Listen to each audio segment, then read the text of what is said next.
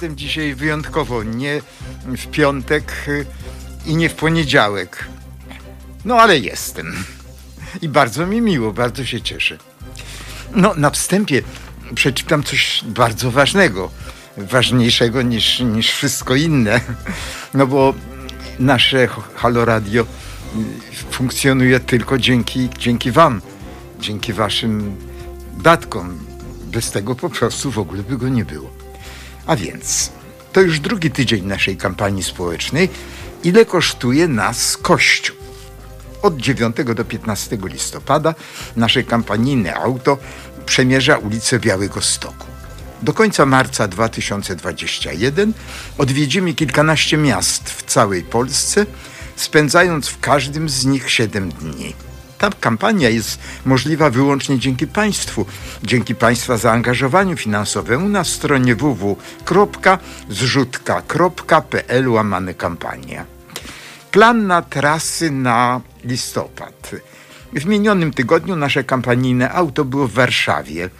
Teraz Białystok od 9 do 15 listopada, Biała Podlaska od 16 do 20 listopada, Lublin od 23 do 29 listopada.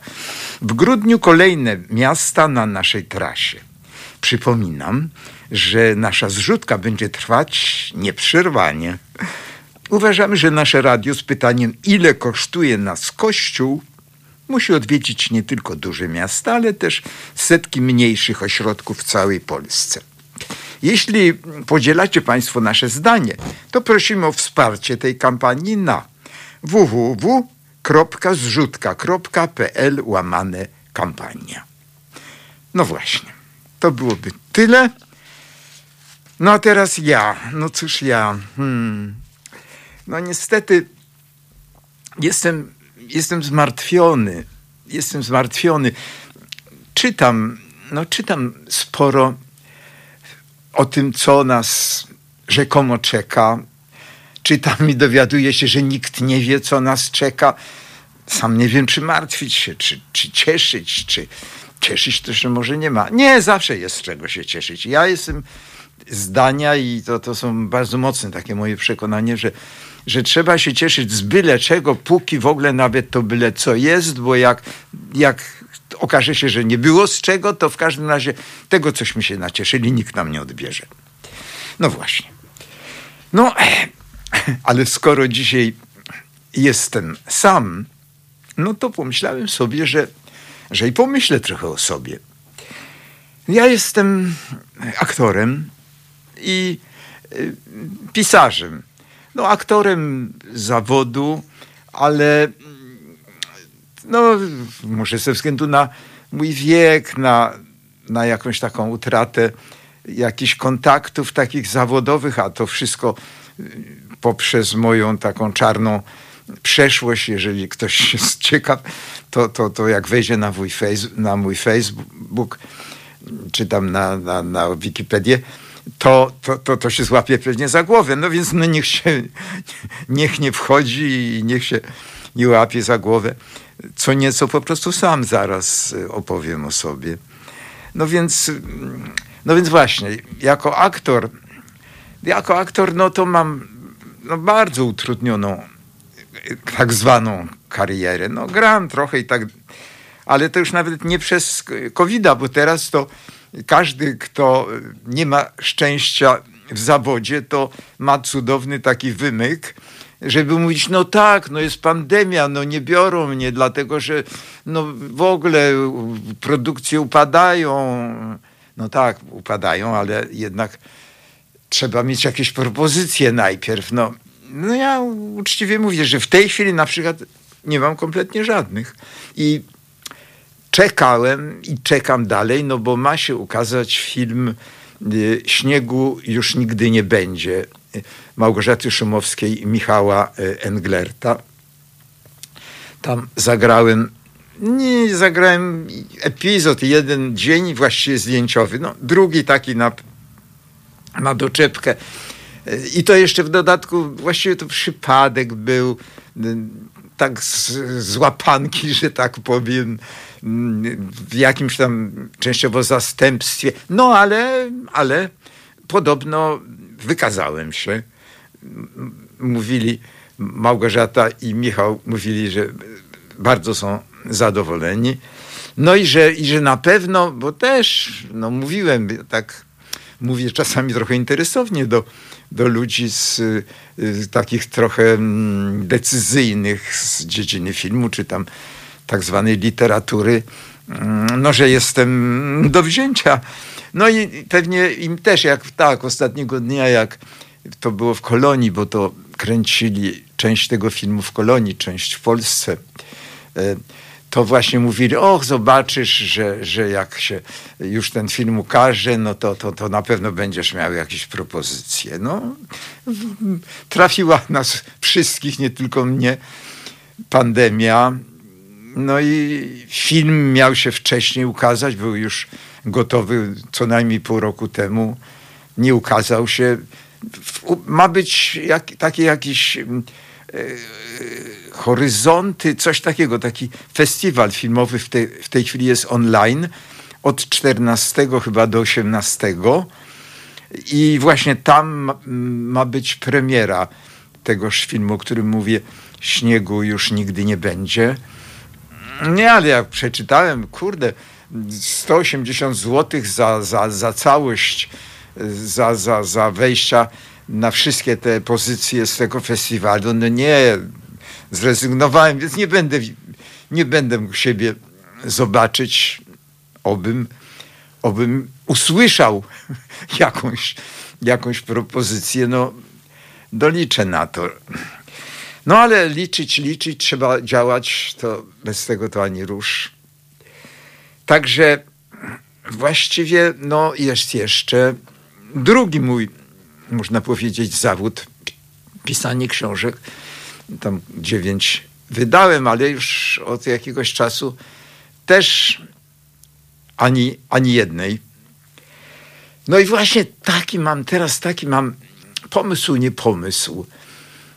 Ja napisałem, ja napisałem taką hmm. Nazwałem ją tak. Otwarty nawias, w nawiasie A, zamknięty nawias, za nawiasem powieść. Opowieść, tylko z takim, z takim zawiasem. Dlatego, że to jest w gruncie rzeczy opowieść i to jeszcze musicalowa. No dziwne, prawda? Druk i, i, i raptem y, taki gatunek teatralny, który, czy filmowy, bo w gruncie rzeczy to jest ani do teatru, ani do filmu. Ja myślę, że to jest po prostu do czytania. No, mam takie przynajmniej błogie przekonanie, dlatego że też właściwie nie miałem żadnych sprawdzianów takich y, od czytelnika, od czytelnika maszynopisu, bo to przecież nie, nie wyszło. To znaczy nie, mylę się. Historia tego była następująca. Lat temu, hmm, hmm, 20, no niecałe, może 17, był konkurs na scenariusz filmowy z Ministerstwa Kultury i Sztuki. No więc y, trzeba było złożyć taki treatment, na tam na 4 czy 5 stron takie streszczonko, o co chodzić ma. I jedną scenkę tam wpisać w ten treatment, no i posłać i czekać. No i o dziwo dostałem to stypendium. No mogę nawet powiedzieć ile, Boże Święty, to bardzo, bardzo całkiem nieźle. Gdybym dzisiaj tak mógł, byłbym szczęśliwy. To było 1500 zł miesięcznie przez, no chyba nie skłamię, przez chyba pół roku. Czy cztery miesiące. Nie, raczej pół roku. No bajka, bajeczka, no po prostu. No i dostałem właśnie to stypendium, no i potem złożyłem to w przepastnych czeluściach Ministerstwa Kultury i Sztuki. Mm, już nie czekałem na nic, bo, bo to, to już byłoby naiwnością dużą. Ale ja wydawałem wtedy takie, taki, taką, no książki po prostu, ale pierwsza książka, tytuł, no proszę się nie, nie, nie, nie przerażać, nie gorszyć. Tytuł pierwszego tomu tej trylogii, bo to była trylogia, był Nasierowski, ty pedale, ty Żydzie. Tytuł podobno świetny. przynajmniej, zresztą książka bardzo dobrze poszła, ale to było kilkanaście lat temu. Y, bardzo dobrze poszła i a może nawet 20 lat temu, tak. I, I rzeczywiście tytuł był taki, no, nie tyle dyskusyjny, bo to bezdyskusyjna była treść tego tytułu, ile taki, no, szokujący.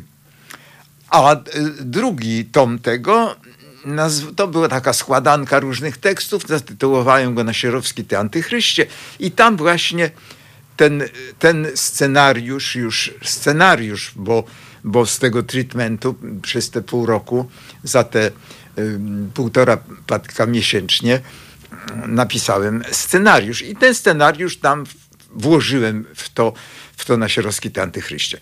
Bo to jest historia, która no, pasuje do tego tytułu. No, także jak ktoś by mi powiedział na przykład, bo w tym moim, w tym moim, e, w tej mojej opowieści muzykalowej e, Jan Paweł II, który występuje tam w charakterze, w charakterze krasnala ulepionego, e, przerzutego przez więźniów razowca, bo jeszcze chyba nie powiedziałem, że cała akcja tego wszystkiego to jest w związku z buntem więziennym i wszystko to się dzieje w trakcie tego więziennego buntu. No i, i, i, i, właśnie tak zatytułowana rzecz, no i tak e, ujęta postać Jana Pawła II, to nie jest mój wymysł taki odważny, prawda? Odwaga staniała, no bo, bo, bo złapali Dziwisza i, i hajda na Jana Pawła II. Nie, nie, nie. Ja już wtedy byłem, no, byłem dalece niezwolennikiem Jana Pawła II. Uważałem, że jest to postać może kogoś gorsza, ale teraz już dzisiaj chyba mniej.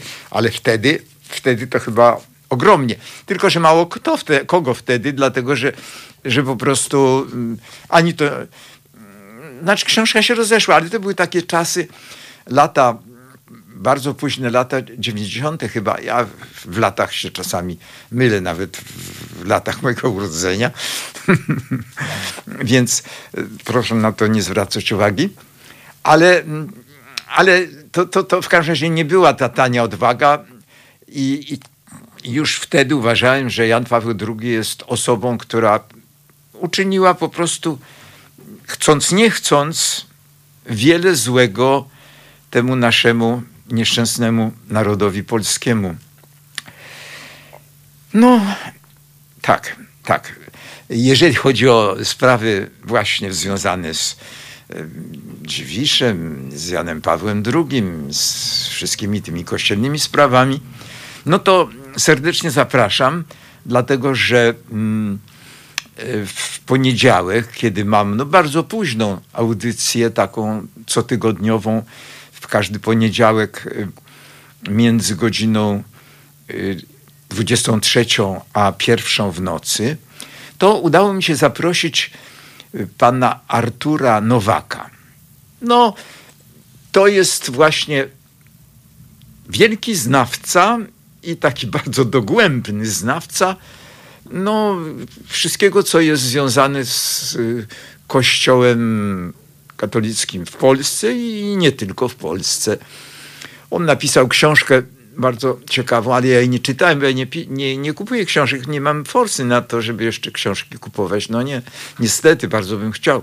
Napisał razem z profesorem Obirkiem, to jest bardzo cenna i bardzo mm, szacowna postać. Profesor Obirek y, był kiedyś księdzem, chyba nawet jezuitą.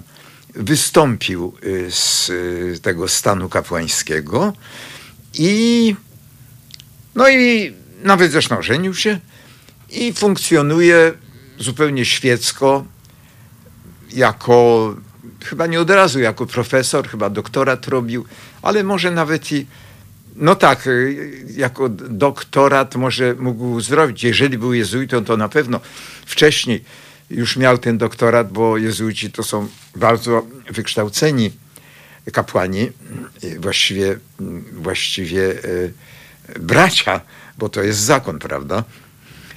Także to jest niesłychanie mądry facet, niesłychanie mądry, ale równie mądry oczywiście jest pan Artur Nowak, którego właśnie udało mi się, jak mówię, zaprosić i będzie można się z, od niego wiele rzeczy dowiedzieć. W ogóle ja cieszę się, że będę mógł z nim porozmawiać. Także anonsuję.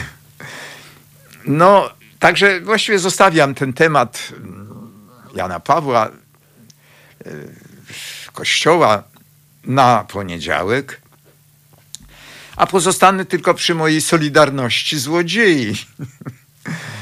No, no ja uważam, że ja uważam, że to, że to jest warte grzechu, jak to mówią. Tak jak, jak jakieś jest takie powiedzenie, że Paryż był wart mszy, coś chyba w związku z tą nocą hugonotów, jeżeli się nie mylę. Ja mam, no, mam niedobry charakter bardzo. Znaczy, mam dużo lepszy niż miałem przed laty, wtedy, kiedy rzeczywiście no, paskudnie czarny jest ten, ten mój życiorys i okropne rzeczy wyrabiałem.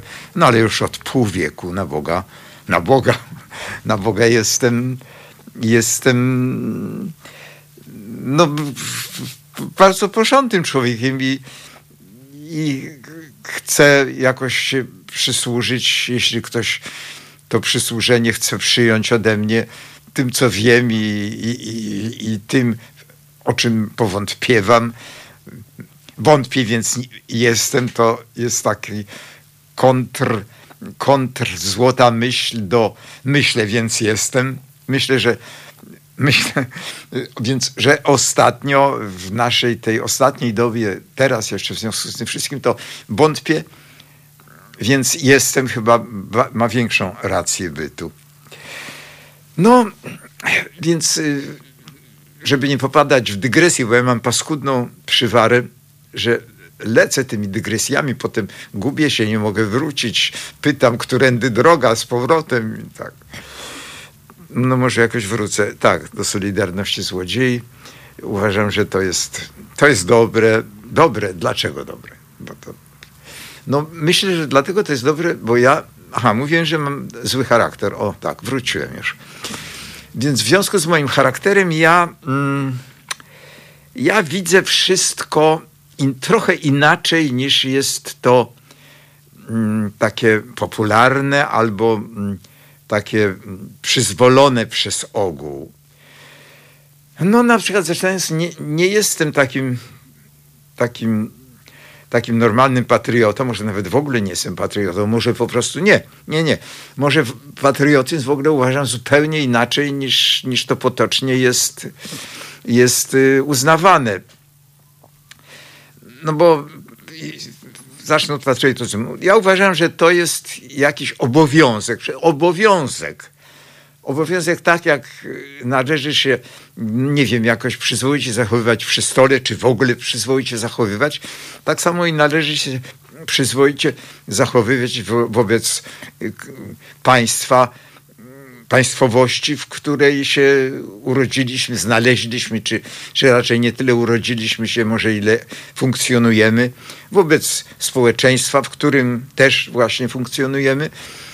No i nawet czy się ma ochoty, czy nie ma się ochoty, no to trzeba czasami robić różne jakieś rzeczy niemiłe, zaciśniętymi zębami. No na przykład iść na wojnę, no już taki, taki, taki najbardziej drastyczny przykład, nawet jeżeli się jest pacyfistą, no bo trudno, no tak zwana obrona granic y, kraju, no i takie różne takie, no tak pojmuję patriotyzm, że, że jest to zbiór często, a może najczęściej niemiłych obowiązków, które jednak należy wykonać dla, no właśnie, dla takiego ogólniejszego, czy wręcz ogólnego dobra. No i, i właśnie w związku z tym moim złym charakterem i tym takim nietypowym patriotyzmem, no to ja także mam skłonność do takiego wyszydzania takich prawd objawionych, takich y, uznanych, nie, nie, tak, nie, nienawidzę celebry, jakichś takich kalendarza wszystkich świętych w szerokim tego słowa znaczeniu, pojęciu. No nie lubię tego, no uważam, że zdrowo jest wszystko wyszydzić, wyśmiać, no wychichotać. No właśnie tak. I taki jest właśnie, taka jest właśnie ta, ta moja solidarność złodziei. Absolutnie na bakier wszystkim. Tam jest, to jest prawdziwy musical, tam jest 15 y, tekstów, niektóre bardzo długie, i rapowanych, i takich songów do wyśpiewania. No, aha, nie wiem, czy z jakim mam przyjemność dzisiaj, z jakimi słuchaczami, nie mam tego pojęcia, bo już nikogo nie ma.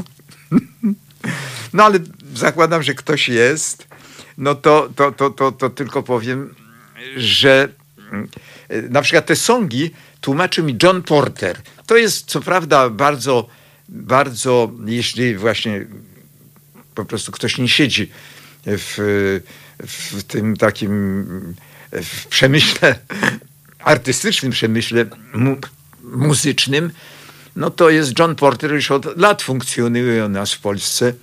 Jest Anglikiem, właściwie chyba Walijczykiem, jeżeli się nie mylę.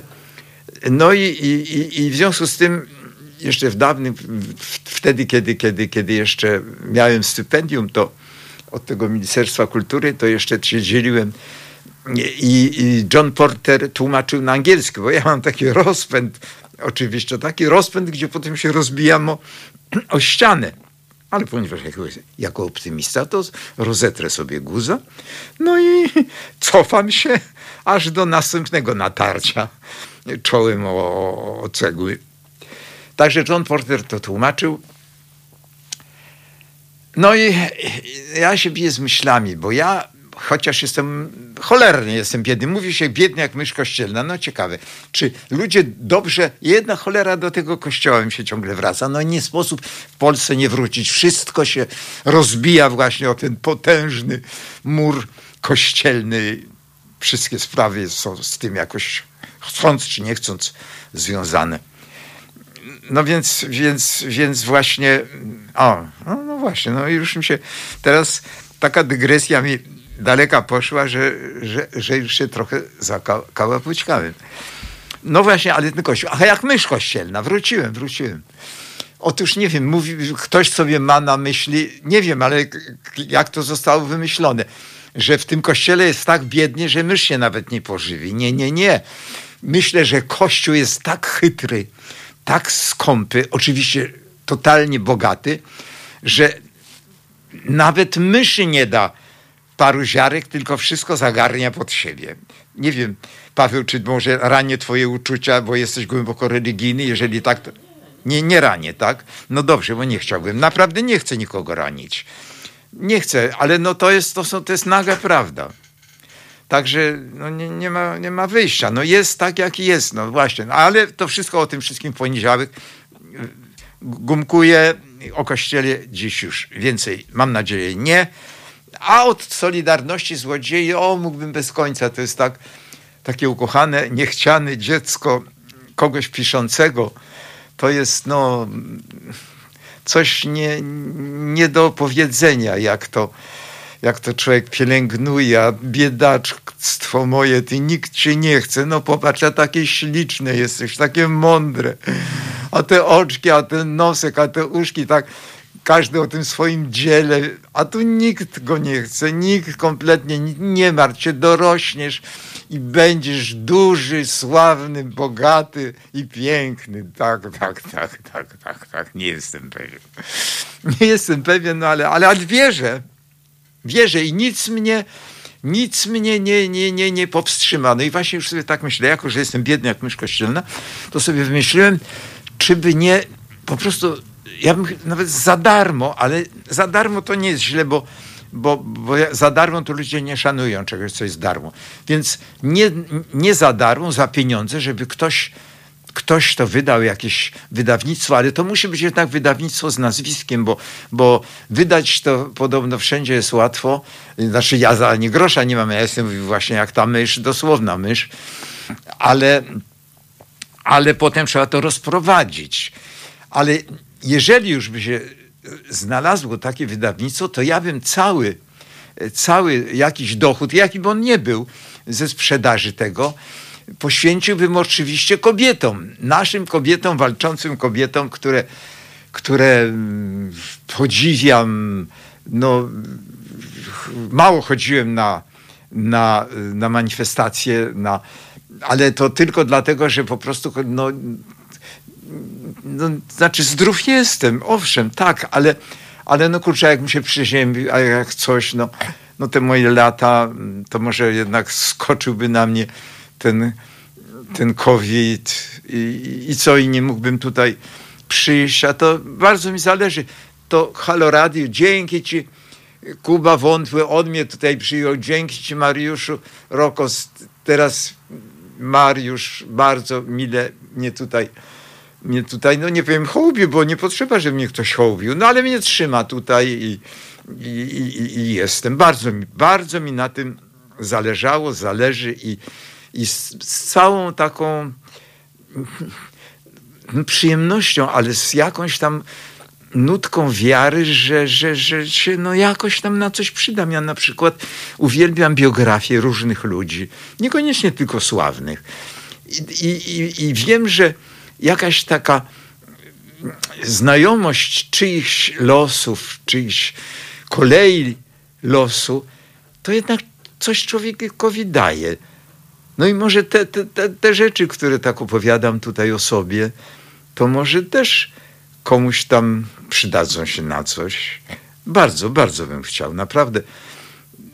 Przede wszystkim na tym mi zależy i nie jestem i nie będąc obłudny, nie, nie ukrywam, że, że liczę, że jakimś pośrednim cudem ktoś komuś coś powie i, i jak się śmieje i Hollywood zadzwoni do mnie. No i właśnie, już dalej to tego. A ja Hollywoodowi poświęciłem Solidarność Złodziei. Tak, tak, Hollywoodowi. No, jeszcze jednej rzeczy nie powiedziałem, zaraz zrobimy przerwę, Michał, ale jeszcze minutę, dwie chyba mam. Ja mm, nie tylko poświęciłem to Hollywoodowi, ale też y, właśnie i to, co mówiłem, że ten zysk chciałbym, y, żeby poszedł na, na kobiety, ale, ale co? Ale co? to może już po, po przerwie sięgnę do swojej mózgownicy. A na razie, w takim razie, na razie do, za chwilę, krótką, dosyć chwilę do, do ponownego usłyszenia. Kłaniam się.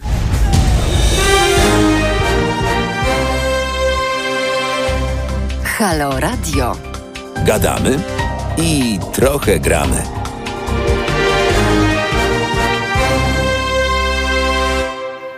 No jestem. No i mm, nie, no nie będę ciągnął dalej, znaczy trochę będę ciągnął, ale może opowiem, jak w ogóle zaczęło się moje pisanie, no bo jako aktor, no to, to było dosyć normalnie. Nie, też nie było normalnie, ale to odłożę na inną jakąś opowieść, jeśli, jeśli przede wszystkim y, pozdrawiam drogich państwa kulaszewskich, ale przede wszystkim dowiedziałem się od Michała tutaj, że, że jednak no, dosyć spora ilo, spora grupa osób y, słucha tutaj tej, tej audycji. No, jestem zachwycony tym, naprawdę jestem, bardzo się cieszę. Naprawdę, szczerze, bardzo się cieszę. No właśnie, a teraz aktorem to zostałem, no, no tak, znaczy nie też nienormalnie, ale co jak powiedziałem, to jest osobna opowieść, ale, mm, no, ale szkoła aktorska, potem angaż w teatrze, tam pierwszy w Teatrze Powszechnym w Warszawie, właściwie prawie wszystkie w Warszawie, ale może, może takie ciekawsze, bo i nietypowe i wręcz no, jakieś takie mm, no, szokujące okoliczności są związane z moim pisaniem. Ja na pewno już gdzieś kiedyś o tym mówiłem. Aha, właśnie, nawet na pewno mówiłem, bo jeszcze moja taka osobna działalność w tej chwili to jest na, na YouTubie. Y, mam z, y, z kolegą moim Michałem, Michałem właśnie, ale nie tym, taką mm, wytwórnię filmową, ale która nazywa się Czopek Film. Więc jak sama nazwa wskazuje, nie jest to wielka wytwórnia, nie jest to w ogóle wytwórnia. Jest to tylko dwóch facetów i jeden aparat fotograficzny, za pomocą którego no jest jeszcze parę, parę takich reflektorków i, i, i to jest wszystko. No ale mimo wszystko od, po, przez ostatnie sześć lat zrobiliśmy 260, 70, ale coś koło tego, bo to jednak i przybywa i, i tak dokładnie nie liczyłem, ale naprawdę nie mniej filmików, znaczy gdzie no, no głównie ja jestem, ale nie tylko, także, także są to filmiki z manifestacji, z protestów i tych najwcześniejszych od, od Trybunału Konstytucyjnego poczynając. Y, no także to jest ta, ta jeszcze jedna e, opowieść, y, te, taka dziedzina naszej, naszej, w tym wypadku naszej działalności, dziedzina naszej działalności. Dobrze powiedziałem? Tak, dobrze. No ale o tym, o tym pisaniu. Ja kiedyś tak dalece w ogóle nie pisałem, że nawet listów nie lubiłem pisać, a kiedyś, jak już byłem aktorem, i tam tak też tam niedużą rolę grałem w takim filmie Noc Generałów, to potem tak, tam był taki sławny aktor Peter, Peter O'Toole, grał jeszcze drugi zresztą Omar Sharif, Tom Corney, no to wielkie gwiazdy tamtych czasów. Czasów właściwie, no Boże, 60. lat, więc to prehistoria. No ale to już nie o to chodzi. Tak dalece nie umiałem pisać, że kiedy tam tygodnik chyba przekrój. Już nawet nie pamiętam, który z tygodników polskich zwrócił się do mnie, żebym napisał jakiś taki mały reportażyk, właściwie artykulik ze swoich wrażeń z bycia raczej niż grania w, w, na, na planie i w, produkcji tego filmu Noc, Nocy Generałów to ja tak dalece nie czułem się na siłach, że poprosiłem moją przyjaciółkę Basię Wachowicz, która była dziennikarką wtedy i, i pisarką, żeby ona to za mnie napisała i ona napisała to za mnie. No i to wydrukowali, ja tylko nazwisko swoje dałem. No ale minęło trochę lat. No i Jerzy Nasierowski się zaplątał moralnie, no ale całkowicie nagannie. To wszystko, o czym już teraz nie będę mówił, co można przeczytać, napisałem o tym mm, książka przecież taka zbrodnia i, i właściwie wszędzie i wypieram, nie wypieram się i, i biję się w piersi i tak dalej. No ale w każdym razie suma summarum znalazłem się w kryminale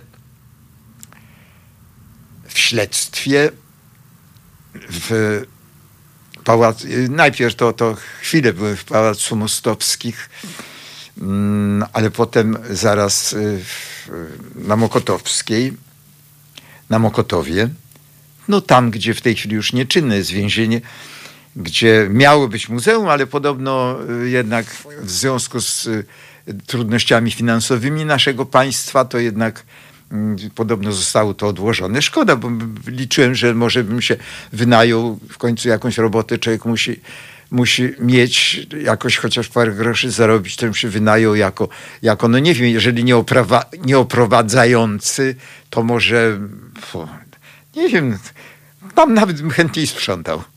Boże, te wspomnienia. A tu w tej celi byłem, a w tej, a w tej. Bo to nie są, wbrew przypuszczeniom, oczywiście to były szalenie dramatyczne, szczególnie tam, wtedy momenty, ale, ale to nie są dla mnie złe wspomnienia. Ja bym powiedział, i to nie, nie pozuje na jakiegoś takiego urka, o, urka więzienne, takie powiedzenie, nie pozuje na, na, na Herosa. Nie. I tu nie, nie wchodzi w rachubę moja, moja przekora.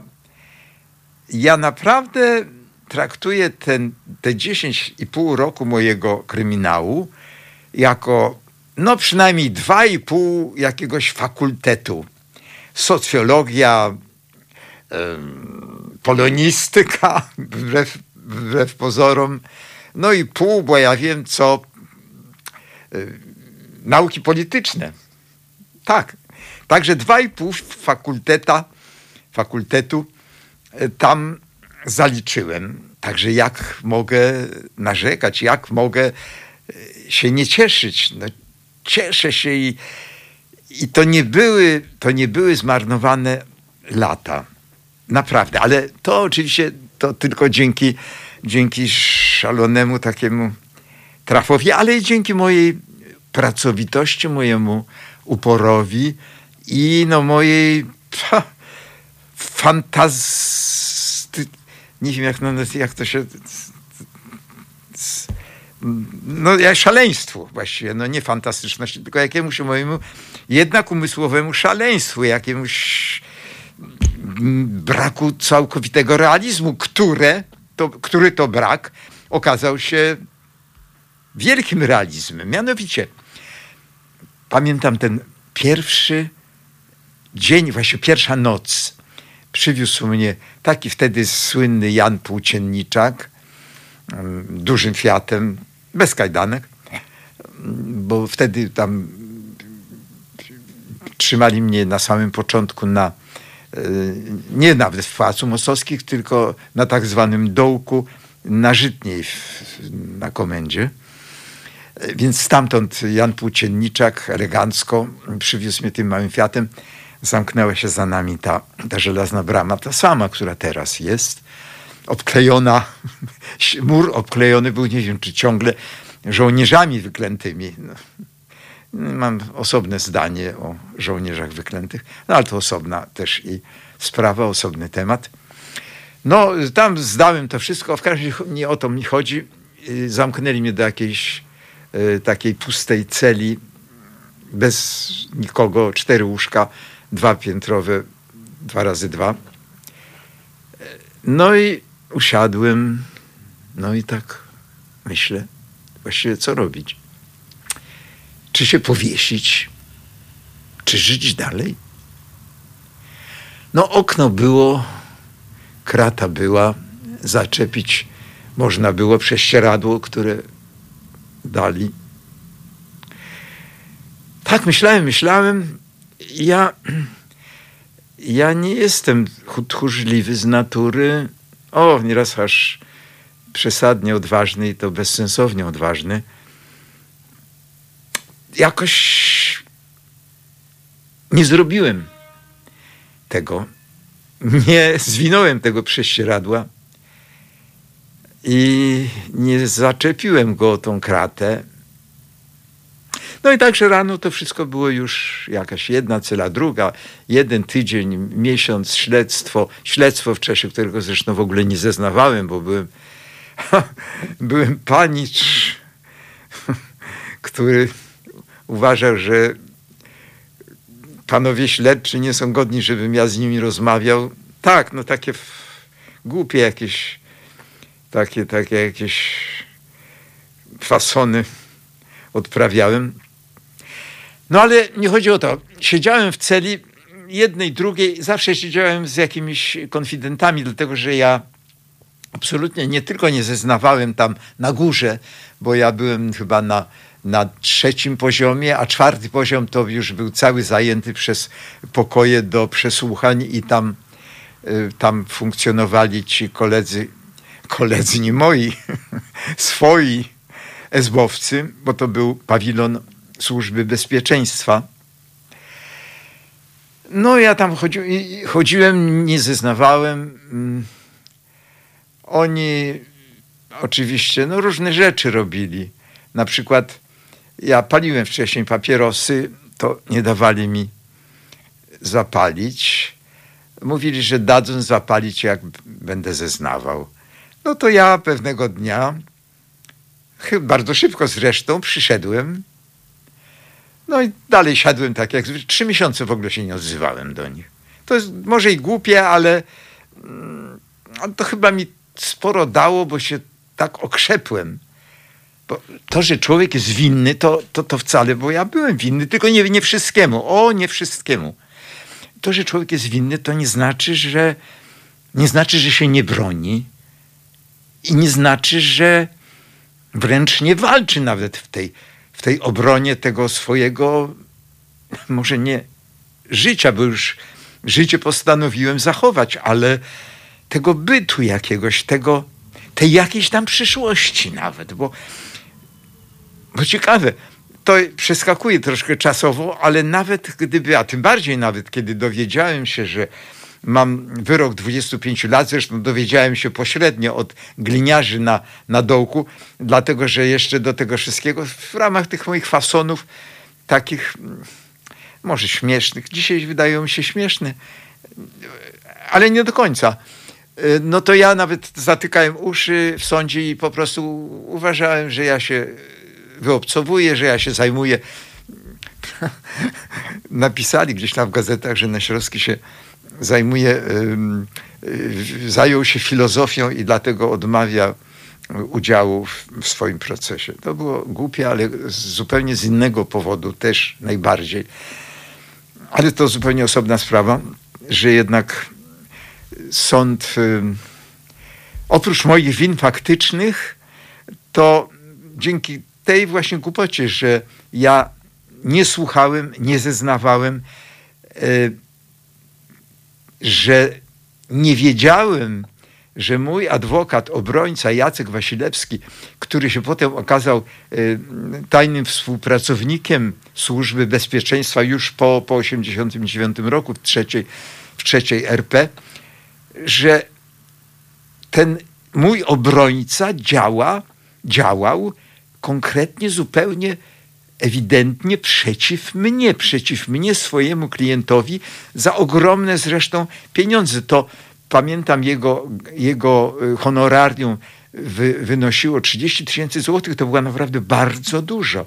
To jakaś tam taka przecięta pensja, taka średnia mała, niezupełnie mała, to było 2000 miesięcznie, że ten sukinsyn, ja go zresztą rozszyfrowałem, ja go przed niestety już po procesie, ja go zwolniłem. No, to było już za późno, ale przeskoczyłem. Jeszcze jestem przed procesem, jeszcze bywam w tych celach e, takich, gdzie jest zawsze. To były przeważnie trzyosobowe cele. To było carskie więzienie w Warszawie, które w gruncie rzeczy to były pojedynki. To było zbudowane dla ka każda cela była dla jednego więźnia. Ale, no ale tłok był wtedy ogromny, głód był wtedy ogromny. Nie, nie w Polsce, nie w Polsce kryminalnej, więziennej. Także y, ja tak po trzech mniej więcej było, na cztery łóżka, zawsze było po trzech, ale to byli zawsze konfidenci, no chłopcy z SB po prostu pod, pod, pod, podsyłali mi, właściwie mnie wkładali do cel już takich właśnie z tymi kilkoma, przynajmniej jednym, a przeważnie dwoma konfidentami, bo taka filozofia więzienna, jeśli już o takiej mielibyśmy mówić, polega na tym, że ta więzienna władza nie wierzy nikomu. Nie wierzy także chyba i sobie, i słusznie.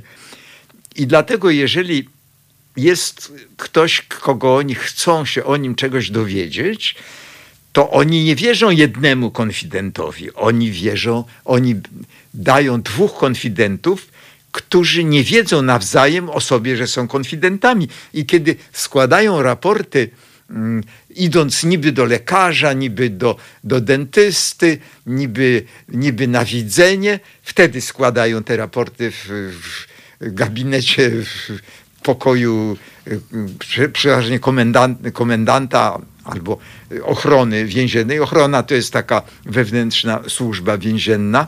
Takie, takie, taka, taka policja wewnątrz kryminału, no to ja nic nie mówiłem. Ja, to jakiś taki instynkt, instynkt prapolski. No bo w gruncie rzeczy więzienia w Polsce łączą się z naszym społeczeństwem od, od, od dawnych lat, no przynajmniej od no, carat przecież, prawda, zabory, E, no choćby tak, no, druga Rzeczpospolita fatalna, według mnie, ja ciągle to powtarzam, nie wierzcie, że to taki piękny okres, żaden piękny okres, to bliski, ta druga część, bliska e, naszej dzisiaj obecnej, ten taki, taki dyktatura absolutna. Piłsudski wcale nie zbawca i nie Bóg, tylko też dyktator, oprócz ewentualnie na upartego zbawca. No dobra, ale jestem w celi więziennej na Mokotowie, w carskim, postcarskim więzieniu. No i co robić? No właśnie. Nie, nie mówię ani słowa, kim ja jestem. O, oni wiedzieli od, oczywiście od swoich mocodawców, czyli od, od ochroniarzy, którzy, od chłopców z SB, którzy ich, prawda, dali na mnie, że tak powiem. No ale ode mnie nie wiedzieli niczego absolutnie.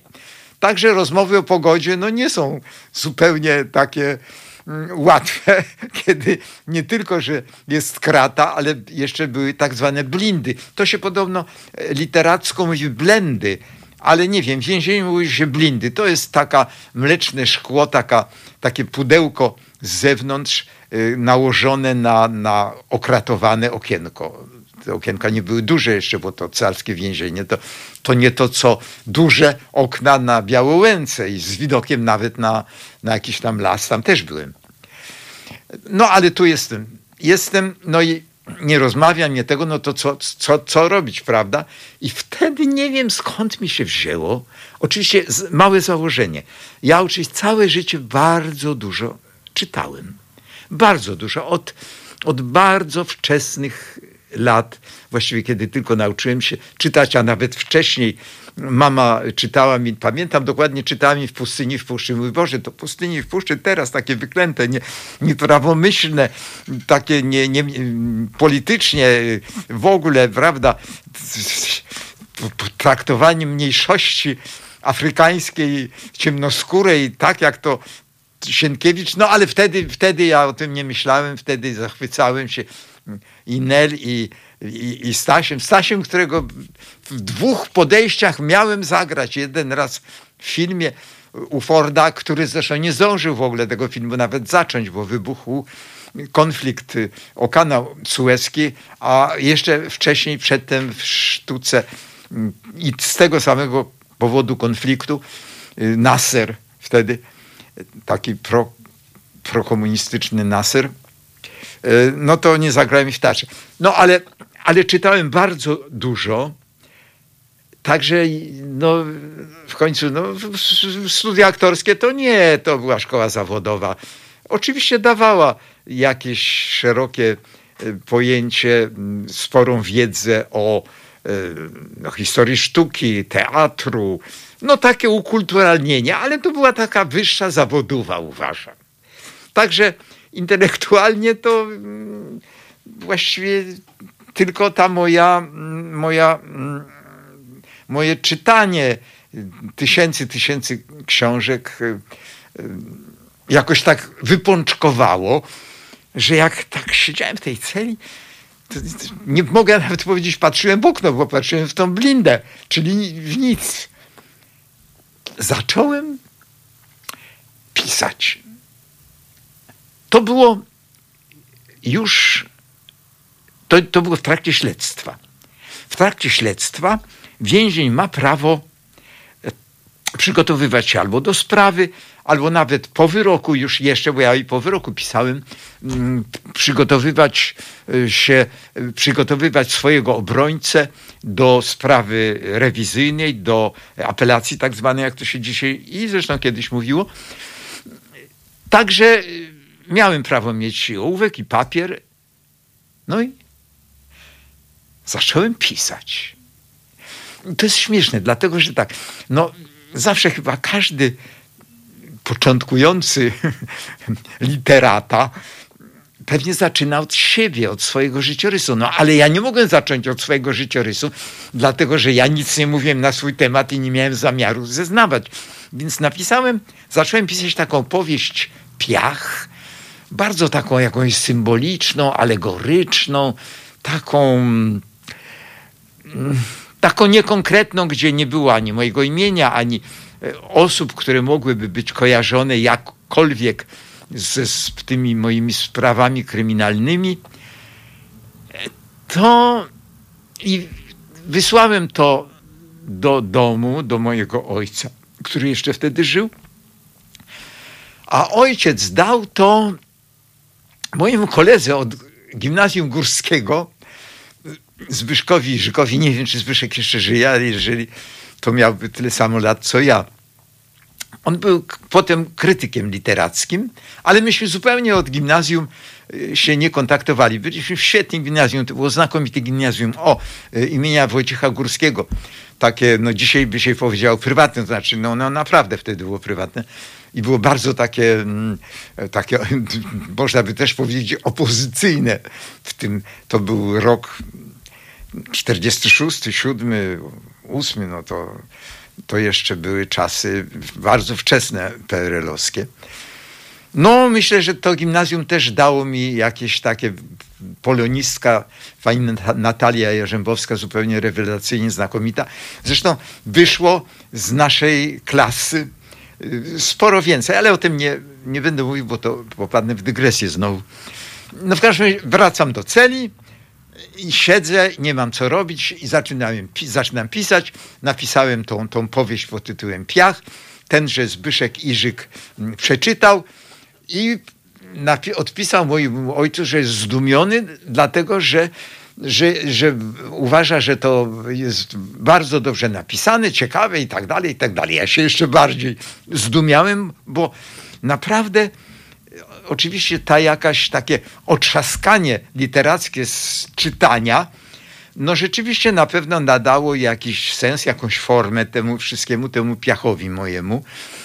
E, ale zarazem to było, to było takie, takie olśnie, autoolśnienie, że ja piszę właśnie nawet już w czasie pisania i że to jakoś mi się tak układa, układa, wychodzi. No podobno wyszło dobrze. No ale to mi dało takie odbicie. No i już jak sprawa się odbyła y, sądowa i już wiedziałem, znaczy dowiedziałem się, że Jezu Chryste, jak to? To ja mam 25 lat więzienia? Nie, nie 25, 32 lata więzienia, dlatego że miałem sprawę tak zwaną skarbową za, za, za to przemyt. No bo rzeczywiście byłem też przemytnikiem. I, i to, było, to nie wchodziło w złącze, bo to, to jest takie powiedzenie, mm, takie no, więzienno-sądowe, no prawne nawet może. W złącze. Także to było osobno, także wychodziło, że dopiero w 2005 roku wyjdę proces był w 73, więc no, można sobie obliczyć. No i myślę sobie, Jezu, no jak to? No jak to? A przecież, a, a te moje te moje zeznania, gdzie ja, gdzie ja uniewiniłem tych czterech chłopaków, którzy byli posądzeni o to, czego zresztą w ogóle nie, nie dokonałem, no to chyba nie wiem, to chyba podobno na Wikipedii też to jest pod, pod Jerzy Nasiorski Aha, jeżeli chodzi o filmiki i o Czopek Film, to jeżeli by ktoś chciał zobaczyć, to po prostu trzeba y, nad YouTubie Jerzy Nasierowski, no i tam wtedy się ukażą te, te, te, te, te, te, te 200 ileś filmików. Ale to znowu dygresja, wracam. Wracam, no i no i, i, i, i, i jak już było po sprawie, ten, ten, te moje, nawet nie, nie powiem przerażenie, jakieś no, osłupienie raczej. Nie takie, takie w dół, tylko osłupienie do góry. I wtedy właśnie pomyślałem sobie nie, nie. To już było chyba rok, trzy miesiące, może nawet już półtora roku, kiedy ja jeszcze siedziałem, ja już poznałem no ten świat więzienny. Zakrztusiłem się, aż widocznie wspomnienia. Ale nie, nie, to nie, broń Boże, nie łzy mnie zadławiły. Nie, nie, nie, chwileczkę.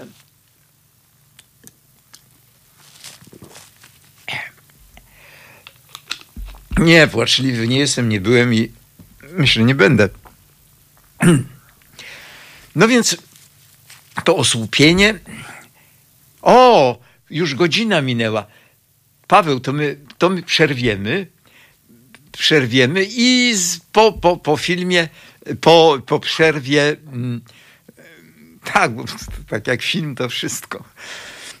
Trochę. Wrócimy i od osłupienia no, zacznę z powrotem, jeżeli to nie nudzi.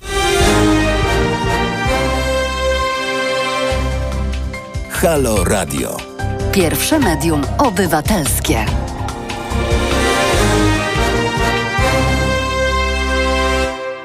Jestem z powrotem. Jerzy Nasierowski. Także wrócę do prozy, ale nie, nie, mo, nie prozy mojego pióra, tylko e, właśnie tego, co zaraz przeczytam. To już drugi tydzień naszej kampanii społecznej, ile kosztuje nas Kościół.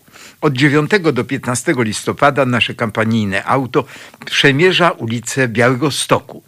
Do końca marca 2021 odwiedzimy kilkanaście miast w całej Polsce, spędzając w każdym z nich 7 dni. Ta kampania jest możliwa wyłącznie dzięki Państwa zaangażowaniu finansowemu na stronie www.zrzutka.pl łamane kampania.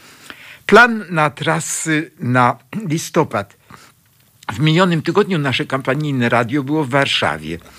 Teraz Białystok od 9 do 15 listopada, Biała Podlaska, Podlaska od 16 do 22 listopada, Lublin od 23 do 29 listopada. W grudniu kolejne miasta na naszej trasie. Przypominam, że nasza zrzutka będzie trwać nieprzerwanie. Uważam, że nasze auto z pytaniem, ile kosztuje nas kościół, musi odwiedzić nie tylko duże miasta, ale też setki mniejszych ośrodków w całej Polsce.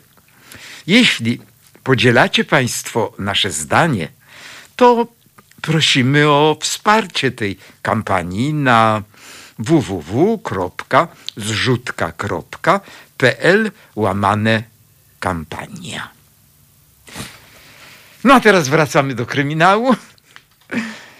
No, byłem byłem zszokowany, tak jak mówiłem, ale ponieważ już poznałem trochę ten świat więzienny, tą drugą Polskę, która właściwie była bardzo mało znana, to była taka tajemna jakaś, takie tajemne jakieś rejony, przecież nie, ani w literaturze mm, współczesnej E, ani w publicystyce prawdy nie można było się dowiedzieć.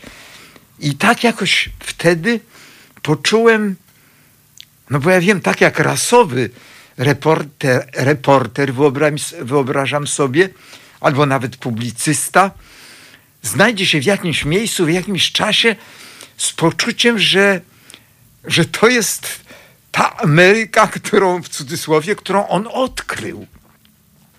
Że jakby no swoją taką stopą zwiedza ten nietknięty jeszcze przez nikogo grunt. Oczywiście aż tak nie było. Była na przykład książka, co jest za tym murem e, Jacka, nie wiem czy Jacka, Stwory, takiego krakowskiego yy, publicysty, reportażysty, dziennikarza. Ale w gruncie rzeczy to była, tak się mówi, terra incognita, ziemia nie, nieznana. No i doszło do tego jeszcze to moje 32 lata kryminału i zacząłem pisać. Tu już bez symboliki, bez jakichś takich ominięć, tylko expressis verbis, tu i teraz, o sobie i o wszystkim, o sprawie przede wszystkim, o sprawie tak jak według mnie, ale to nie tylko było według mnie, to były naprawdę fakty, które mają, od, mają odbicie w, w, w realiach zaistniałych, jak to wszystko naprawdę było. Ale, ale, przecież to był PRL. Przecież to był rok, no, 73, może już może zaczął się czwarty, chyba nie jeszcze, nawet chyba nie, chyba to był ciągle jeszcze 73 rok.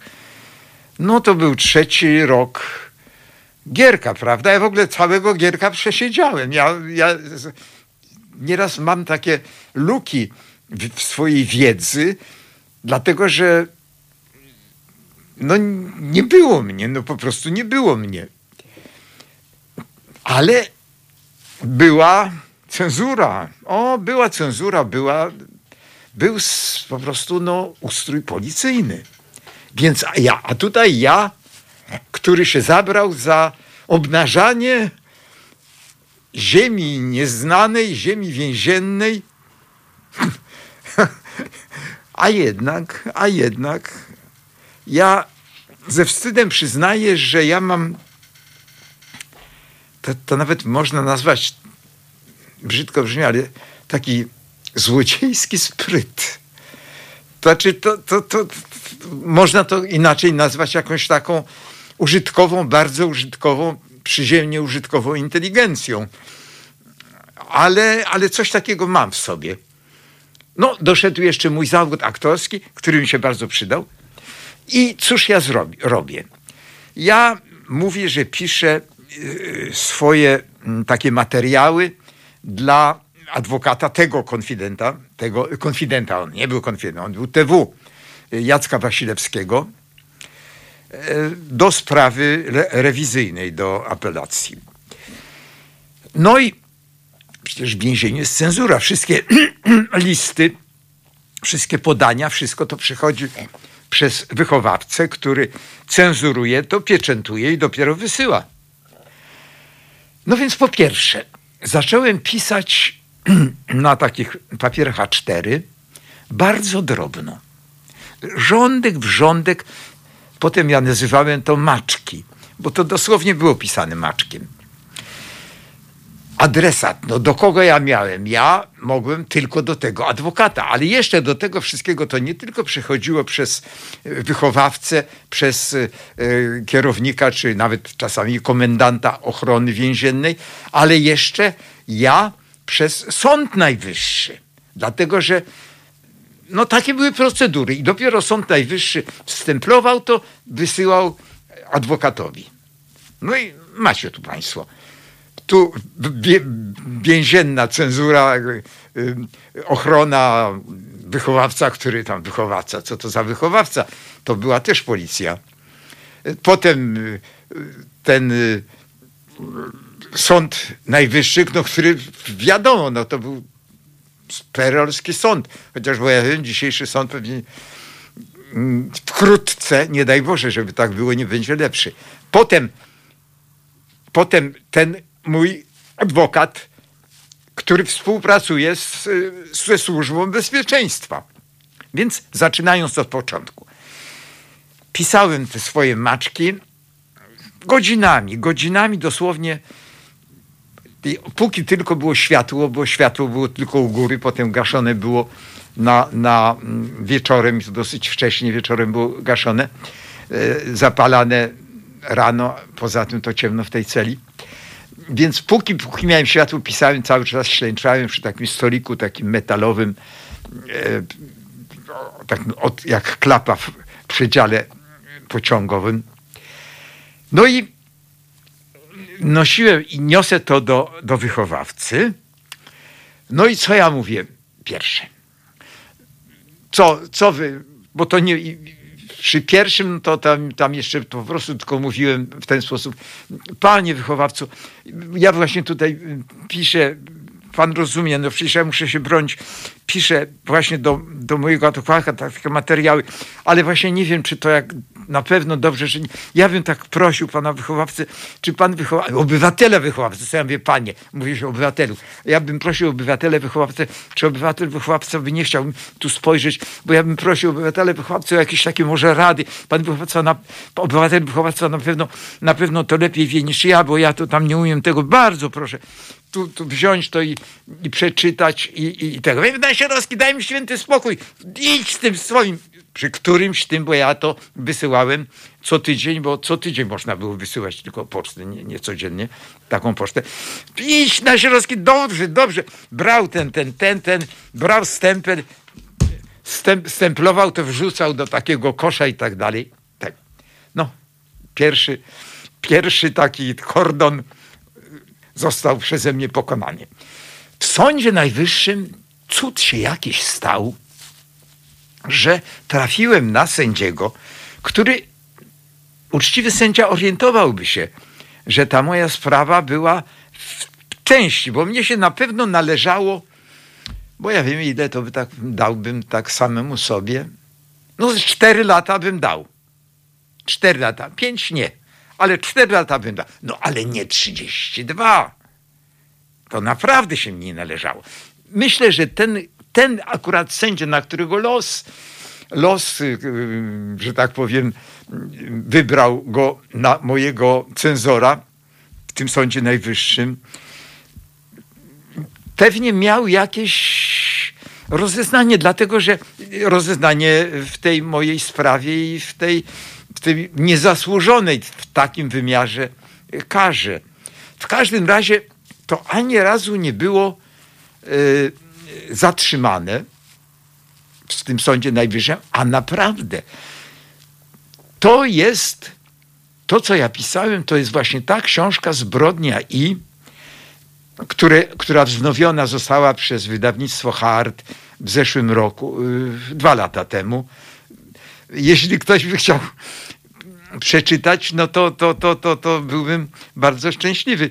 To, to w księgarniach już tego nie ma, ale to jest wydawnictwo H-Art, H, wykrzyknik w środku Art, ciurkiem, mm, krakowskie, no to na, można wejść. No i oni na pewno, chociaż jeszcze ani jednego grosza nie zarobiłem na tej książce. Nie wiem, co się dzieje.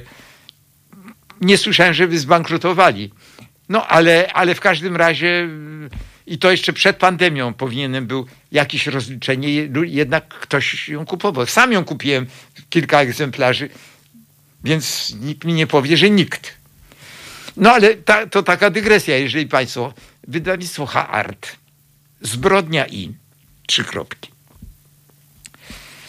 Z, z takim moim zdjęciem na okładce y, z tamtego czasu, tuż przed aresztowaniem właściwie to było. Przypadkiem. Nie wiedziałem, że będę aresztowany.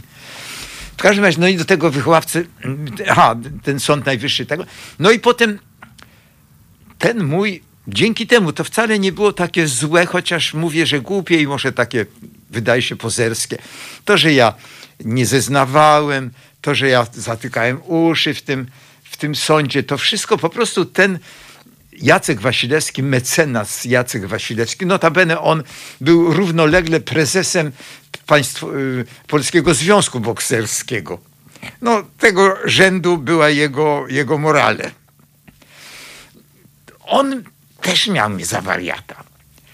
Absolutnie, że no, no, ludzie w więzieniu czasami dostają takiego świra jakiegoś. Także on, jak się okazuje, a ja z adnotacją do niego, I, I tam napisane było z prośbą przekazania mojej siostrze. I on te maczki dosłownie tak gęsto i nieczytelnie pisane, no znaczy czytelnie, ale poprzez tą zwięzłość, ten maleńkie literki, to, to, to była rzeczywiście taka benedyktyńska w celi moja praca. Także on od razu to odsyłał do mojej siostry.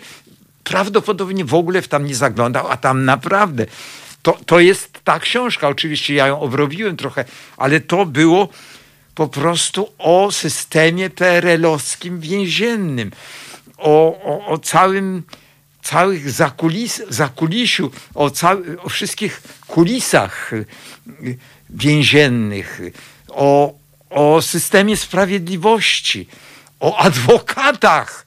Tam było nawet o tym, że adwokacie Jacku Wasilewskim. Tylko, że on tego nie przeczytał, nikt tego nie przeczytał.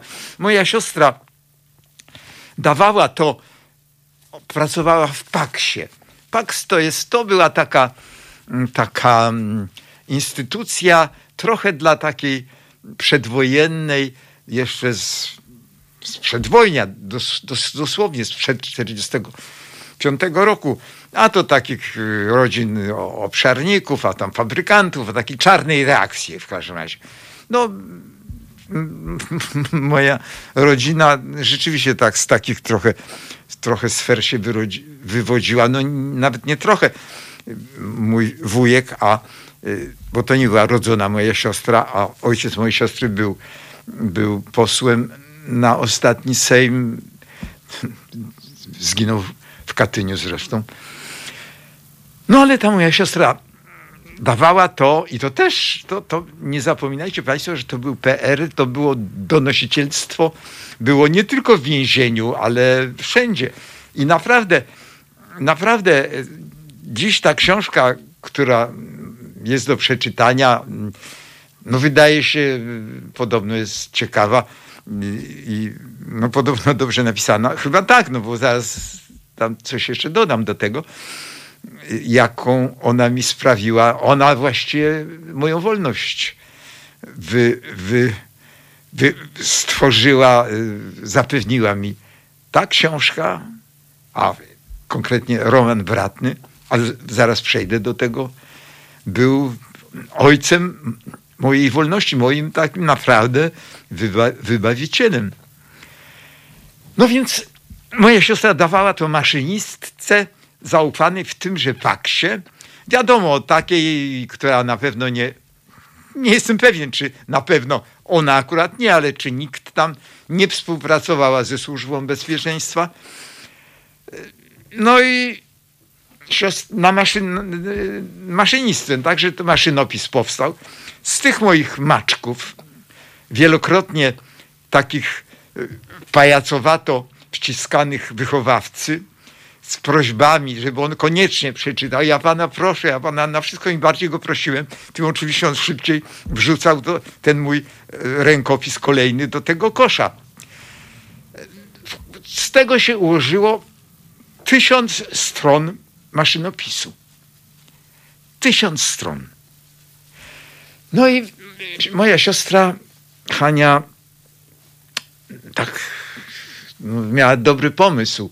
Dała to Krzysztofowi Zanussiemu, temu reżyserowi funkcjonującemu do dzisiaj. To byliśmy dobrymi znajomymi. On bywał na moich tak zwanych salonach staromiejskich. Miałem takie rzeczywiście dosyć znane mieszkanie na paru poziomach na Krzywym Kole 80 w Warszawie.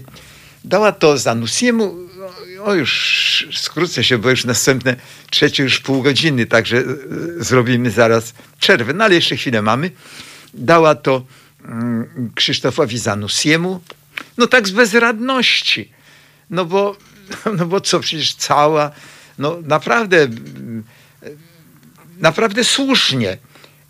Opinia, a no, byłem w końcu aktorem, no tak dosyć tam znanym, więc cała Warszawa, no nawet pewnie cała Polska miała słuszne obrzydzenie do, do, do, do aktora, yy, kolekcjonera dzieł sztuki i tak dalej, który trudnił się włamami, włamywaniami ze swoim y, no, młodocianym, bardzo młodocianym partnerem, to ja się nie dziwię, że wszyscy byli przeciw mnie i, i, i słusznie i no, nic tu dodać, nic ująć.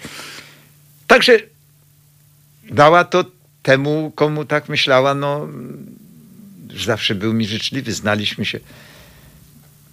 No i Zanussi z kolei poczuł się w takim jakimś obowiązku moralnym, bo on katolik.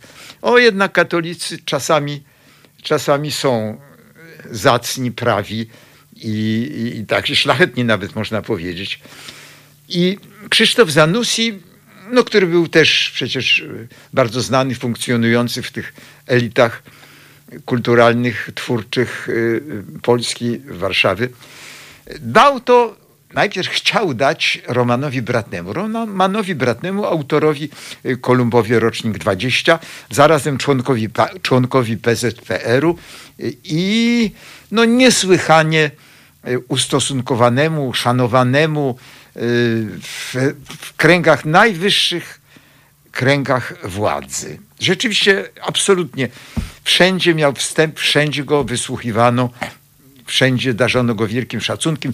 Tutaj właśnie takie, taka ogromna uwaga, jak to nie wolno, nie wolno um, upraszczać niczego. To, że członek PZPR-u to, to już przekreślone, to już nie, nie, nie zawsze. Nieprawda, nie zawsze, na pewno nie zawsze. Tenże Roman Bratny, kiedy Krzysztof Zanussi dawał mu ten tekst, mówi, mówiła, co to? No to, mm, panie Romanie, y, Nasierowski napisał to w celi, a może by pan to przeczytał? Ja mówię, co? On mówi, nigdy. Ten zbandyciały aktor nie chce, nie chce mieć nic z tym wspólnego w ogóle. Panie Krzysztofie, niech pan pójdzie. Nie, dziękuję. Nie, nie, nie. No i Krzysztof Zanussi, zresztą bratnie to opisywał w swoich z kolei takich publicystycznych książkach, nawet całą tę historię, stąd też znam to, tak, właśnie e, Krzysztof Zanussi, ten taki uprzejmy, bo on jest taki, nie tylko jest naprawdę szlachetnym katolikiem, ale jest właśnie takim, takim szepczącym szlachetnie, jakoś tak no i on mówi, panie Romanie, ale ja to czytałem, niech pan to przeczyta, naprawdę warto, bardzo pana namawiam. Nie, nie, no i dobrze, dobrze, panie Krzysztof. No i bratny przeczytał to. Do mojej siostry napisał, spotkał się z moją siostrą i powiedział, pani Haniu, od dzisiaj ja się zajmuję pani bratem Jerzym Nasierowskim. Uważam go za nieodkryty talent literacki i no, będę wszystko robił, żeby sprawiedliwości stało się zadość. Tak, ja, który nie miał pojęcia o pisaniu, to, to na pewno jakiś nie, nie cud. Mogę tutaj tak to objaśnić w ten sposób, że w więzieniu następuje nieraz chyba w ludziach jakieś potworne stężenie rzeczy, które na pewno miał ten ktoś w sobie, takich psychicznych, takich jakichś mózgowych. No nie zawsze one są dobre, no bo w więzieniu Hitler napisał Mein Kampf. No ale myślę, że, że jeśli ktoś przeczytał zbrodnie, ja wiele osób to czytało, no bo przecież to wyszło potem ale to osobna sprawa, dalsza sprawa. Na razie yy, bratny zajmuje się mną, a tutaj już, już pół godziny minęło. No to znowu sobie zrobimy przerwę. No i wrócę już, jeżeli nie, nie nudzę. Halo Radio. Jerzy Nasierowski, no jestem z powrotem. No i, i, ale także chcę powiedzieć, że bardzo mi miło, pani Aleksandro, Panie Arkadiuszu, że i Państwo są. I Pani Ewa B. też jest. Bardzo, bardzo się cieszę. A gimnastykę według moich, y, moich y, zaleceń, że tak powiem, to zalecam wszystkim. Dowiedziałem się, Boże, że Zbyszek Iżyk nie żyje już od sześciu lat. No mój Boże, no a ja żyję. Aj to tak przesadnie. No ale mm, właśnie tutaj pani Aleksandra pisze, że, że ma audiobook czytany przeze mnie. Tak, rzeczywiście nagrałem to, ale jest sam kupa, to jest 20 chyba cztery czy ileś godzin tego mojego czytania, ale jeżeli ktoś, bo ja, ja sam jestem niebogaty i rozumiem, książka jedna kosztuje kilkadziesiąt złotych, ale jest e-book też, który na pewno jest tańszy. Także gdyby ktoś chciał, no nie, proszę nie rozumieć, że ja jakoś zobowiązuję, no co to teoretycznie zobowiązuję do, do tego, ale no tak to tylko zaznaczam. Także wrócę do Romana Wratnego. Do Romana Wratnego, który, bo to już niewiele czasu zostało, no ale w książce jest naprawdę dużo, dużo, dużo więcej. Roman Wratny to człowiek, któremu no, po prostu zawdzięczam życie. Bo niewątpliwie nie przeżyłbym tych, tych 32 lat. A mm, trzeba powiedzieć, że ponieważ z moją, z moją osobą, z moim procesem wiązało się, wiązała się chyba największa, nieujawniona wtedy do końca kompromitacja PRL-owskiego wymiaru sprawiedliwości, więc pewnie bym, bym siedział, siedział do, do, do, do, do końca. Jak to się mówi, wynieśliby mnie nogami do przodu. No, ale dzięki bratnemu nie wynieśli. Cudowny człowiek. Siedem, a nawet może osiem lat starał się o moje wyjście wbrew, mimo nieludzkich swoich tak zwanych stosunków, chodów. Walczył z kolejnymi ministrami sprawiedliwości, z premierami. W końcu, w końcu, w końcu wyszedłem na przerwę w karze, a potem nie chciałem, ja też pajacowałem do końca, bo nie chciałem być ułaskawiony, dlatego że uważałem, że ja odsiedziałem dużo więcej niż mi się należało, a y, ja chromolę ułaskawienie. No ale doszedłem do rozumu i no i na 10,5 latach się skończyło. Książka, wydanie to wznowione właśnie y, jest poszerzone i on już jak gdyby no fabułę po moim wyjściu już z więzienia. No w ogóle ja bym, brat już nie żyje. No, byłem na jego pogrzebie, na, oczywiście na, na cmentarzu wojskowym. Niestety żył bardzo długo, ale już od w ostatnich latach e, to już nie rozpoznawał rzeczywistości. Ale zawdzięczam mu, powtarzam, wszystko to, że tu jestem. Wspaniały, szlachetny człowiek, partyjny i co z tego? No nie wiem, czy dzisiejsi partyjni potrafią dzisiaj oprócz swoich współpartyjnych kolegów popierać i ratować z kryminalnych opresji? Wątpię. No ale już nie wiem, czy jeszcze, no jeszcze troszeczkę czasu jest. Może jeszcze trochę wspomnę, że co było w tych prawie ośmiu latach starań o bratnego, o, o moje wyjście. Ale najpierw wcale nie o wyjście. Najpierw to była jego walka o to, żebym ja w ogóle mógł pisać w więzieniu. Dlatego, że kiedy już więziennictwo, nie wiem skąd, no, ale zorientowało się, że ja, jak to się mówi, szkaluję PRL, to robiło wszystko, żeby mnie skompromitować. I znowu miałem już na ulicy, najpierw w Strzelcach Opolskich, tych gorszych, to teraz z kolei więzienie pruskie chyba, tak, to chyba Prusy były dawne. Nie, nie orientujesz się, Michał? Strzelce Opolskie? No ale raczej tak. Prusy. Też ciężkie, zresztą bez kanalizacji, z kiblami.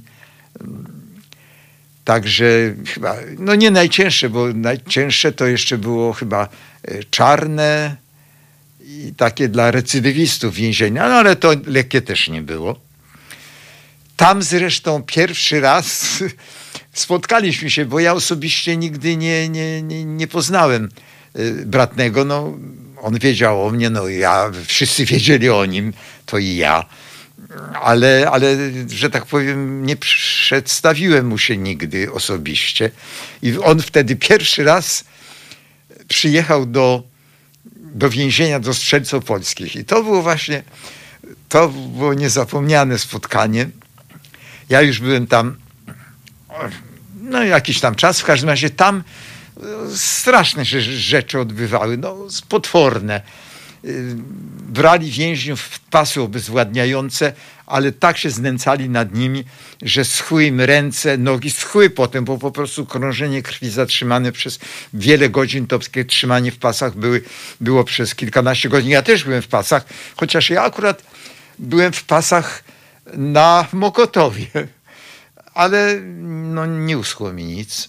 Ale tam właśnie kilku więźniom po prostu, kilku więźniów zostało okaleczonych i kiedy e, brat mi przyjechał, a przyjechał w ten sposób, po prostu wszedł, ciężkie, ciężkie więzienie, prawda, bramy e, żelazne, e, straże i tak dalej, i tak dalej. I pan bratny przychodzi, przyjeżdża i mówi bez żadnych zezwoleń, pozwoleń, a to przecież, no Boże Święty, no jaka, jaka policyjna, taka, taka yy, rygor policyjny. I chcę tutaj pokazać, jaką magią była jego, jego nazwisko, no i on sam. No i że do naczelnika. No i towarzyszu, wiadomo, naczelnik więzienia był też. Towarzyszu, tutaj właśnie przyjechałem, bo Bratny to opisywał też w swojej książce pod tytułem Pamiętnik moich książek. To, to, to nasze pierwsze spotkanie. Więc przyjechał towarzyszu, y, nazwiska nie, wypadło mi z pamięci nazwisko, nie żyje zresztą. Ten, ten y, naczelnik więzienia w Strzelcach Opolskich numer jeden. No i właśnie chciałem się tutaj ze skazanym Nasierowskim zobaczyć, czy możecie mi towarzyszu go tutaj przy, przysłać. No więc ten, oczywiście wszyscy wie, wiedzieli, kto to jest bratny. No i posłano po mnie. No ale bratny się rozsiadł. Oczywiście y, więzienie miało, y, widzenie miało miejsce w gabinecie, w takim luksusowym, takie pół, pół fotele, biurka jakieś rzeźbione. Pamiętam, pierwszy raz byłem w tym, w tym gabinecie, bo, bo nawet jeżeli za jakieś karne rzeczy miałem karne raporty, to nigdy nie dochodziłem do szczebla naczelnika. To przecież było ogromne więzienie na jakieś 2,5 tysiąca chyba więźniów, też takie czteroskrzydłowe. No, no i ten gabinet te, te, te, te miękkie fotele wykładane. No ja wchodzę w tym swoim drelichu więziennym, zresztą takim zużytym, bo to tam drelichy nosili więźniowie jedni po drugich, tylko do pralni szło, do cerowalni, także łaty, tak, tak dalej. No i ja wchodzę i, i, i, i bratnego. Wiedziałem, że to jest bratny. Poza tym już on napisał mi list do mnie, panie Jerzy, odtąd będę się zajmował pana sprawą serdecznie pozdrawiam, o, bardzo tak dyplomatycznie, serdecznie pozdrawiam, no i mam nadzieję, że nie będzie tak źle, jakoś tak ogródkami.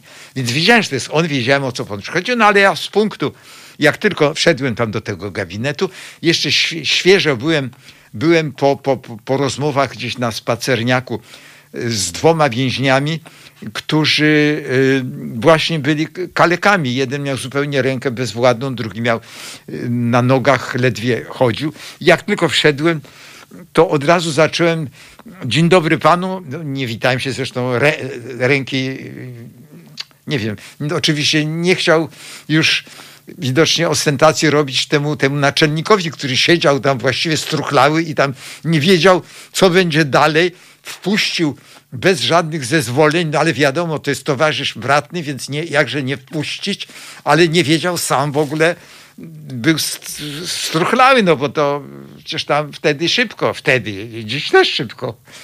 Dzisiaj kto? Towarzysz Jaki. Jaki miał więziennictwo? No jest obecnie w Brukseli. Oj, Jaki, Jaki, a ty też jesteś taki, że ojej, mniejsza o to. No. Także ja pierwszy mówię, panie Romanie, muszę zacząć po prostu od sprawy najważniejszej. Tu się dzieją rzeczy okropne, panie Romanie. Tutaj i tu wymieniłem nazwisko tych dwóch moich współwięźniów. Jeden jest chory, drugi chory i mówię, to jest nie do, nie do, nie do, nie do opisania, nie do powiedzenia. Przecież z tym trzeba coś zrobić i tak dalej. Mówię, mówię. Ten naczelnik patrzy, w ogóle osłupiały, co, co, co? Bratny patrzy na mnie, okazało się też jak osłupiały, bo on pyta, pisze potem w tej swojej książce, Jezus Maria, wchodzi, zresztą wychodzony, bo to głód tam był wychodzony, taki prawie jak w Cytadeli w 900, 900 latach w carskiej Cytadeli, wchodzi wychodzony na Sierowski i zaczyna, zaczyna jakąś antypaństwową przemowę o jakichś niedopuszczalnych y, y, y, represjach wewnątrz więziennych, i sobie myślę, Jezus Maria, człowieku, ty, który masz taki wyrok, który, którego ja chcę jakoś, nie wiem, ratować, bo uważam, że, że to jest słuszne i, i ze względu na twój, no tak uważam, no, podobno, no tak, ta, talent literacki i ze względu na, na samą zawartość tej sprawy, która była bardzo kontrowersyjna, a ten kopie pod sobą grób. Ktoś, czyli ja, kopię ten grób. No on jakoś, jakoś zwekslował to na, na, na, na jakąś bardziej towarzyską rozmowę. Pożegnaliśmy się. No i byłem w, tym, w tych strzelcach opolskich jakiś czas. on natychmiast po widzeniu się ze mną, jego podobno ujęło to nawet tak psychologicznie. Ja naprawdę nie udawałem i wyobrażam sobie, że może mogło go to ująć, że ja no nie jestem takim cwanym, no nie ukrywajmy, więźniowie ratujący się potrafią być, oszukiwać, przymilać się i, i robić z siebie aniołków. No Boże Święty, nawet podobno lis, który dostaje się we wnyki, łapa mu jest we wnykach u, u, unie, unieruchomiona, to potrafi odgryźć sobie tą łapę. Także więzień różne rzeczy robi. No i tak jak wtedy pisał, ujęło go to, że, że ja nie, nie mówiłem o sobie, nie mówiłem o, o jakichś takich swoich tych sprawach, tylko mówiłem o tym, ale ja mówiłem dlatego, że ja to opisywałem w dalszym ciągu. Ja byłem rzeczywiście żywiołowo nienawidzący tego więziennego, tej niesprawiedliwości. Tu zresztą mm, zejdę z tego piedestału i powiem, że kto jak kto, to może dziwne, ale więźniowie, winni więźniowie, ja też byłem winny, ja też wtedy jeszcze zasługiwałem na ten kryminał. Miałem tam pewnie już ze dwa i pół roku siedziałem od, od, od sprawy, czy tam może już trzy było. Nie, chyba trzy nie. Jakieś dwa z kawałkiem to, to ja siedziałem za to, co, co, co, na co zasłużyłem jeszcze. To później nie, ale to był zasłużony, zasłużony czas więzienny. Także y, chcę tylko powiedzieć, że więźniowie, nawet którzy y, siedzą y, zasłużenie, są ogromnie uczuleni na niesprawiedliwość. Tak. Na łamanie prawa wobec nich na przykład odstępstwa od regulaminu więziennego, na przykład w kwestii spacerów. Spacer półgodzinny, wyjątkowo z zaleceniem lekarza godzinny, przeważnie był skracany. Spacerowym się po prostu nie chciało. Spacerowy mówił, no co? Panie, panie spacerowy, przecież to nawet nie ma jeszcze 20 minut, tak? To pokaż mi na zegarku. No dobrze, to pokaż na zegarku. Wiadomo, zegarków nie wolno było mieć, nikt nie miał zegarka, więc nie mógł pokazać. No i w ten sposób oczywiście bez, bezprawnie spacerowi y, skracali ten spacer. Więźniowie wtedy pisali raport, y, y, znaczy zażalenia i tak dalej. powtarzam, za każde łamanie wobec więźnia takiego prawa, prawa, w każdym razie prawa pisanego, kodeksu, ale prawa też, to więzień doznaje burzy protestu. To przeradza się nieraz właśnie w te tragiczne samouszkodzenia, to upuszczanie krwi, te chlastanie się, te połyki i to wszystko. No ja tego wszystkiego nie robiłem, ale ja się wyżyłem w pisaniu. Ja przecież potem bratny mi, już przeskoczę, bo już czas się nam kończy, ale w książce jest wszystko. Bratny mi potem zapewniał cyklicznie prawo do pisania w celi, dlatego że kiedy już oni się zorientowali, że, że ja e, mam oparcie w tym bratnym, to było coś niespotykanego. Żaden więzień wtedy nie miał, bo to, to był ten system odcięcia, odcięcia takiego skazanego od kontaktu z wolnością, żeby on nie mógł przekazać, nie mógł już nie tylko pisać, a tu oni wiedzieli, że, że ja siedzę i piszę. I w związku z tym właśnie dawali mi to, będzie w książce, różnych konfidentów. Konfidenci mówili różne bzdury, także ja potem siedziałem już, mimo że zabierali mi co chwila to prawo do pisania, brat mi znowu kolejnego ministra sprawiedliwości załatwia mi to prawo do pisania w celi, znowu mi go zabierali. No i, zabierając i za pomocą konfidentów y, to y, ustanowiono, że ja jestem niebezpieczny, takie czerwone N na teczce skazanego. No i, i wtedy siedziałem w izolacji ścisłej, w osobnej y, celi, tuż przy dyżurce, tak żeby, żeby oddziałowy mógł co chwila patrzeć przez lipo tak zwane, co ja tam robię. No i, i, i ci konfidenci, no to oni oczywiście, co oni zeznali? Ja wiedziałem, że oni są konfidentami. Mało tego, ponieważ ja byłem bardzo sympatyczny i ja im od początku mówiłem, słuchaj, jakby ktoś coś pytał od tego co, od, odnośnie mnie, to mów po prostu wszystko śmiało, mów tak jak jest, o czym mówimy, o, nie ma żadnych tajemnic. No ale oni jak poszli, to przecież oni dostawali za to papierosy, prawda? Za te donosy moje.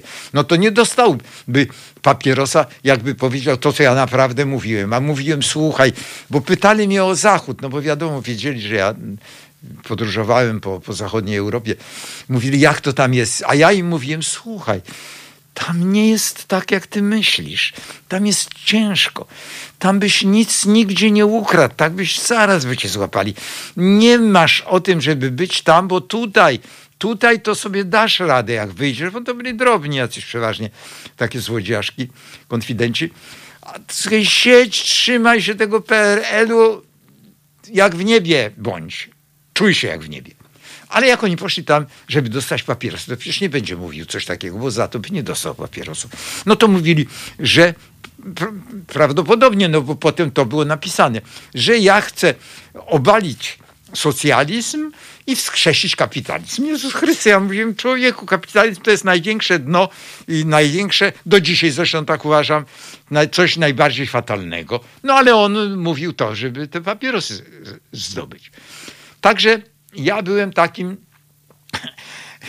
takim więźniem stanu z tym wszystkim. Oczywiście to już w skrócie, no potem jako ten sympatyczny jednak człowiek, taki to z więźniami, mimo tej mojej potwornej yy, opinii, aktor, który miał kochanka w gazetach, było przecież wcześniej wszyscy mieli, a jednak i z tym sobie dałem radę, o tym w książce szczegółowo.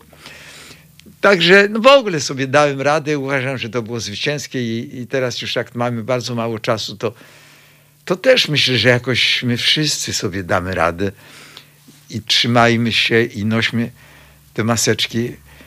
I po prostu myślę, że trzymajmy w sobie jakiś optymizm, maksymalny optymizm z każdej najdrobniejszej takiej czegoś najdrobniejszego, co dałoby powód do, do, do ucieszenia się choćby przez 5 minut, bo to podobno jeszcze bardziej niż maseczki, ale maseczki też y, y, uzbraja organizm przeciw, przeciw różnym takim zarazkom i, i tym, temu covidowi cholernemu też.